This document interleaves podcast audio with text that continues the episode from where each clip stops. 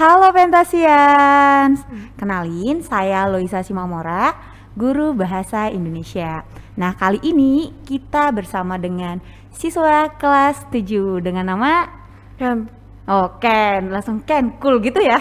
Oke, nah jadi kali ini kita akan eh, membahas nih dengan Ken, berbincang-bincang dengan Ken eh, Bagaimana sih pengalaman Ken selama satu tahun sekolah di SMP BPK Penabur Tasikmalaya ini Nah Ken, kira-kira ya eh, selama sekolah di sini eh, apa sih yang kamu rasakan atau apa pengalamanmu?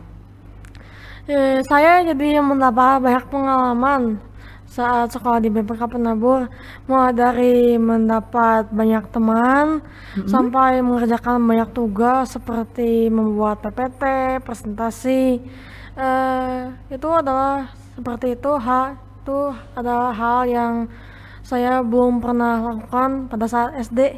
Wow, ternyata sangat menambah wawasan Ken ya. Nah, kira-kira nih tadi Ken bilang ya punya teman-teman banyak di sini. Nah, teman-teman kamu ini eh, seperti apa Ken? Ya, banyak teman-teman yang baik, Mm-mm. ada banyak teman-teman yang agak malu. Oh, pemalu juga. Ya, ada beberapa anak juga agak jahil. Oh, Tapi ada. ya, aku nggak aku nggak apa-apa sih di Oh. di diamin aja. Oh, diamin aja. Kira-kira Ken pernah dijailin berarti ya sama temen ya? Iya. Oh, pernah. Wah. Nih, oke, setelah tadi udah bicara tentang teman-teman nih. Nah, Ken tadi juga bilang ya, tugas-tugasnya banyak gitu. Nah, kalau dari Ken sendiri ya, kira-kira ketika dikasih tugas yang banyak itu tuh apa sih yang eh, menurut kamu nih terha- terhadap gurunya sama terhadap tugasnya gitu? Pendapat kamu? Hmm. Ya, pendapat aku sih ya biasa-biasa aja, tapi kalau dikasih tugas yang mungkin agak berat, ini aku paling sekali agak ngeluh gitu. Oh. Nih, nih gede jadi tugasnya jadi oh kadang Tapi tetap diusahain nggak untuk mengerjakan tugasnya kalau rasanya itu berat gitu? ya diusahain sih, Wah. ya harus harus bisa gitu. harus bisa mantap nah nah tadi kan bilang gitu ya di- harus diusahain. Nah kalau menurut kan nih tadi guru-gurunya udah ngasih tugas banyak gitu. Kira-kira pendapatmu tentang guru-guru di sekolah ini bagaimana kan Ya, guru-gurunya di sini di sekolah pada baik, pada menyenangkan, tahu cara belajar dengan juga belajarnya ada memiliki aktivitas yang menyenangkan. wow ternyata guru-gurunya menyenangkan dan eh, mengasihkan dan katanya tuh eh, kira-kira mungkin kan semakin semangat belajarnya mungkin gara-gara gurunya juga nih ya Iya. Wah, nah kemudian nih eh, tadi Ken kan sudah ini ya di tugas-tugasnya tuh pasti ada tidak ya yang kerja kelompok atau mandiri terus nih sendiri Hmm. gitu? Ada yang sendiri, ada yang bekerja kelompok, tapi sebagian besar juga sendiri. Oh, sebagian besar kerja sendiri. Nah, kalau kerja sendiri kan Ken pasti sudah, wah ini harus aku kerjakan sendiri gitu. Kalau kira-kira nih yang kerja kelompok tuh eh, gimana sih rasanya kerja kelompok sama teman-teman kamu tuh? Harusnya sih kayak seru, jadi memiliki ya, jadi mendapat banyak teman, jadi saling mengenal, sekaligus sambil kayak mengerjakan tugas itu, di seru kalau ada teman-teman tuh jadi rasa menyenangkan. Oh, kalau kendalanya gimana tuh? Ya paling mah ada beberapa anak yang nggak mau ngerjain tugas sama sekali, apa itu kayak ada katanya ada wifi-nya jelek, atau kayak nggak mau ngerjain apa atau gara-gara males. Sama paling mah kadang beberapa agak kadang-kadang wifi-nya mati lah, jadi susah ngerjain Oh. kelompoknya. Oh ternyata banyak ya alasannya gitu. Nah kalau kira-kira kan nih untuk mungkin temanmu yang memang alasannya dulu ya waktu online ya gitu ya. Iya, Kalau untuk sekarang onsite pernah kerja kelompok nggak? Pernah. Berarti kerja kelompoknya kalau yang di kelas sekarang tuh bisa bareng. Iya bisa. Oh berarti lebih enak yang onsite ya. Iya lebih enaknya sih. Oke mantap. Nah kemudian tadi tuh kita udah bahas yang kerja kelompok. Sekarang kita eh, mau bahas tentang ekskul yang kamu ikuti tuh.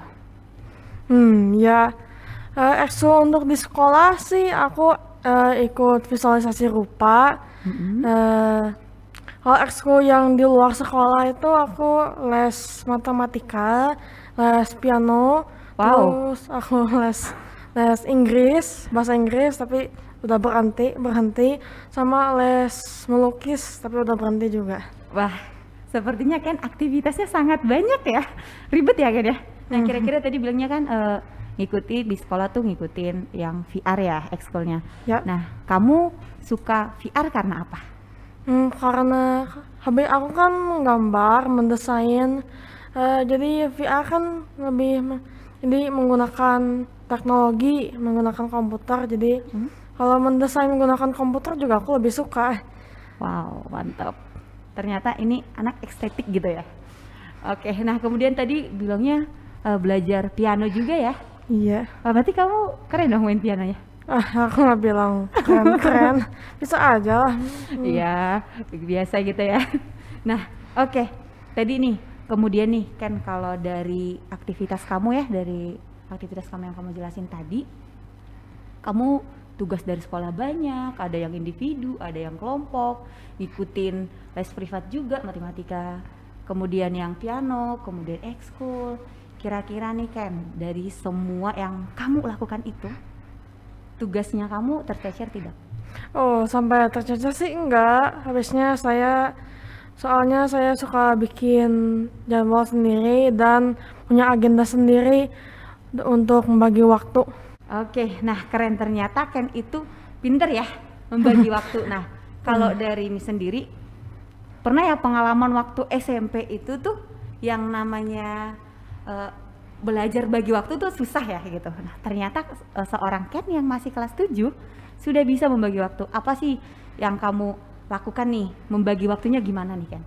Dan ini juga ya, Miss mau bilang maaf, Ken pasti suka nggak main game?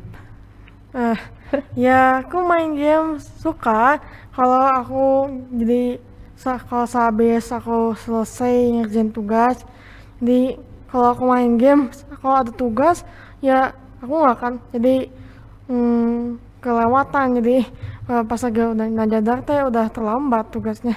Makanya aku usahain. Jadi se- sehabis tugasnya udah selesai baru aku bisa santai. Wow, mantep nih teman-teman Pentasian. Ternyata Ken itu kalau apa mau, mau sebelum main game, ternyata dia harus menyelesaikan tugasnya dulu nih. Jadi bagi waktunya seperti itu, tugas dulu, baru game gitu. Ini bisa dicontoh nih teman-teman. Nah kemudian nih, prestasi apa sih yang pernah Ken dapatkan? Hmm, saat SMP saya belum pernah dapat prestasi. Tapi nanti pasti bisa dong ya. Hah ya, semoga. ya. Semangat. Eh, tapi pas SD saya pernah juara ke juara kedua lomba menggambar. Wow, ternyata dia pernah juara kedua lomba menggambar. Nah, kira-kira kan menurut kamu ya, prestasi itu apakah harus eh, tentang akademik atau keterampilan juga? Hmm, sebenarnya sih bisa dua-duanya. Habisnya perlu tahu cara meraih prestasi itu ya harus berusaha.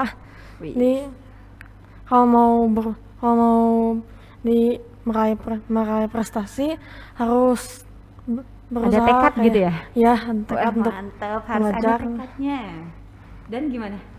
Hmm, ya keterampilan juga masuk. Habisnya harus bis jadi eh, harus tahu cara itu meraih prestasi itu harus mempunyai tekad juga, Ya.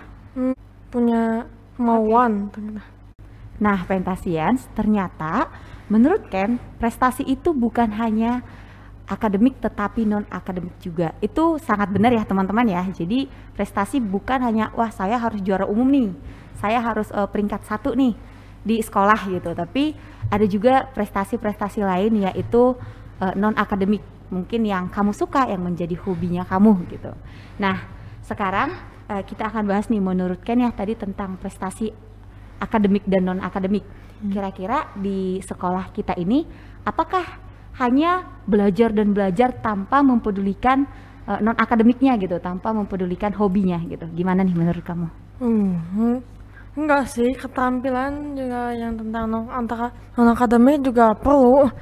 Jadi seperti saat itu aku pernah bilang aku les piano. Iya. Saya di jadi dikasih kesempatan untuk pelayanan mengiringi lagu di ibadah online tuh saya tahu jadi saya bisa melakukan hal melakukan bisa memain piano jadi ya untung saya bisa main piano jadi saya bisa mengiringi juga jadi kita Menyalurkan bakat gitu ya. ya Wah, mantap. Nah, kemudian nih eh, dari ini juga menurutnya kan dari ekskul kamu bisa eh, menyalurkan bakat dan mengembangkan bakat tidak? Bisa jadi ini juga bermanfaat buat masa depan seperti saya mengikuti visualisasi rupa jadi bisa mendesain yang online jadi kayak mendesain rumah membuat logo itu mungkin bisa bermanfaat di masa depan jika cita-cita aku mungkin bisa menjadi arsitek untuk Wow. mendesain eh, in, eh, kayak dekorasi untuk indoor jadi saya tahu cara mendesainnya jadi ya bermanfaat juga Wah, mantep ya. Ternyata eh, Ken hobinya itu eh, sangat-sangat bermanfaat ya. Pastinya juga tuh sangat bermanfaat untuk masa depannya Ken nanti nih. Nah, kemudian nih eh, setelah setahun di kelas 7, kira-kira di kelas 8 ini apa sih yang menjadi harapanmu? Hmm, harapan saya di kelas 8 itu eh, bisa lebih disiplin dan lebih semangat lagi belajarnya. Wah, mantap. Lebih disiplin dan lebih semangat. Kalau pesan untuk Pentasians gimana nih? Hmm.